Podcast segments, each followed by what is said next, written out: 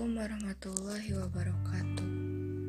Halo semuanya Perkenalkan Nama saya adalah Zahra Bermana Dengan nomor induk mahasiswa 2009833 Program Studi Pendidikan Keluarga Negaraan 2020A Universitas Pendidikan Indonesia.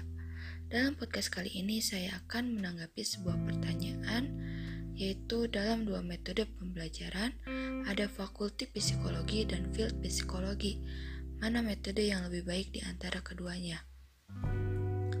Sebelumnya, saya akan sedikit menjelaskan terlebih dahulu mengenai Fakulti Psikologi.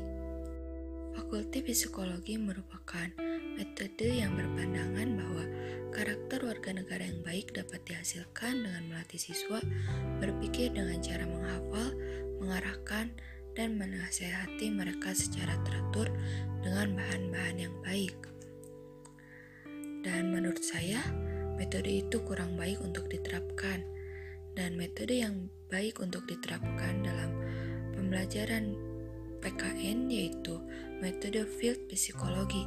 Dalam metode field psikologi merupakan strategi pembelajaran yang bersifat kontinum atau pembelajaran yang mengkombinasikan antara sudut ekstrem inquiry dan sudut ekstrem expository.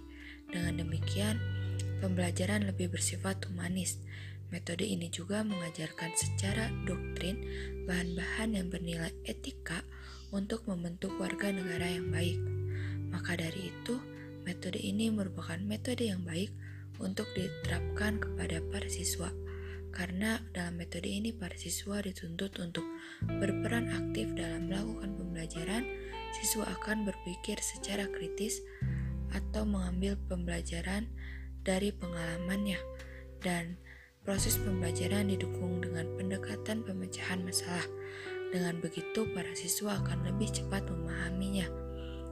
Mungkin cukup sekian yang dapat saya sampaikan.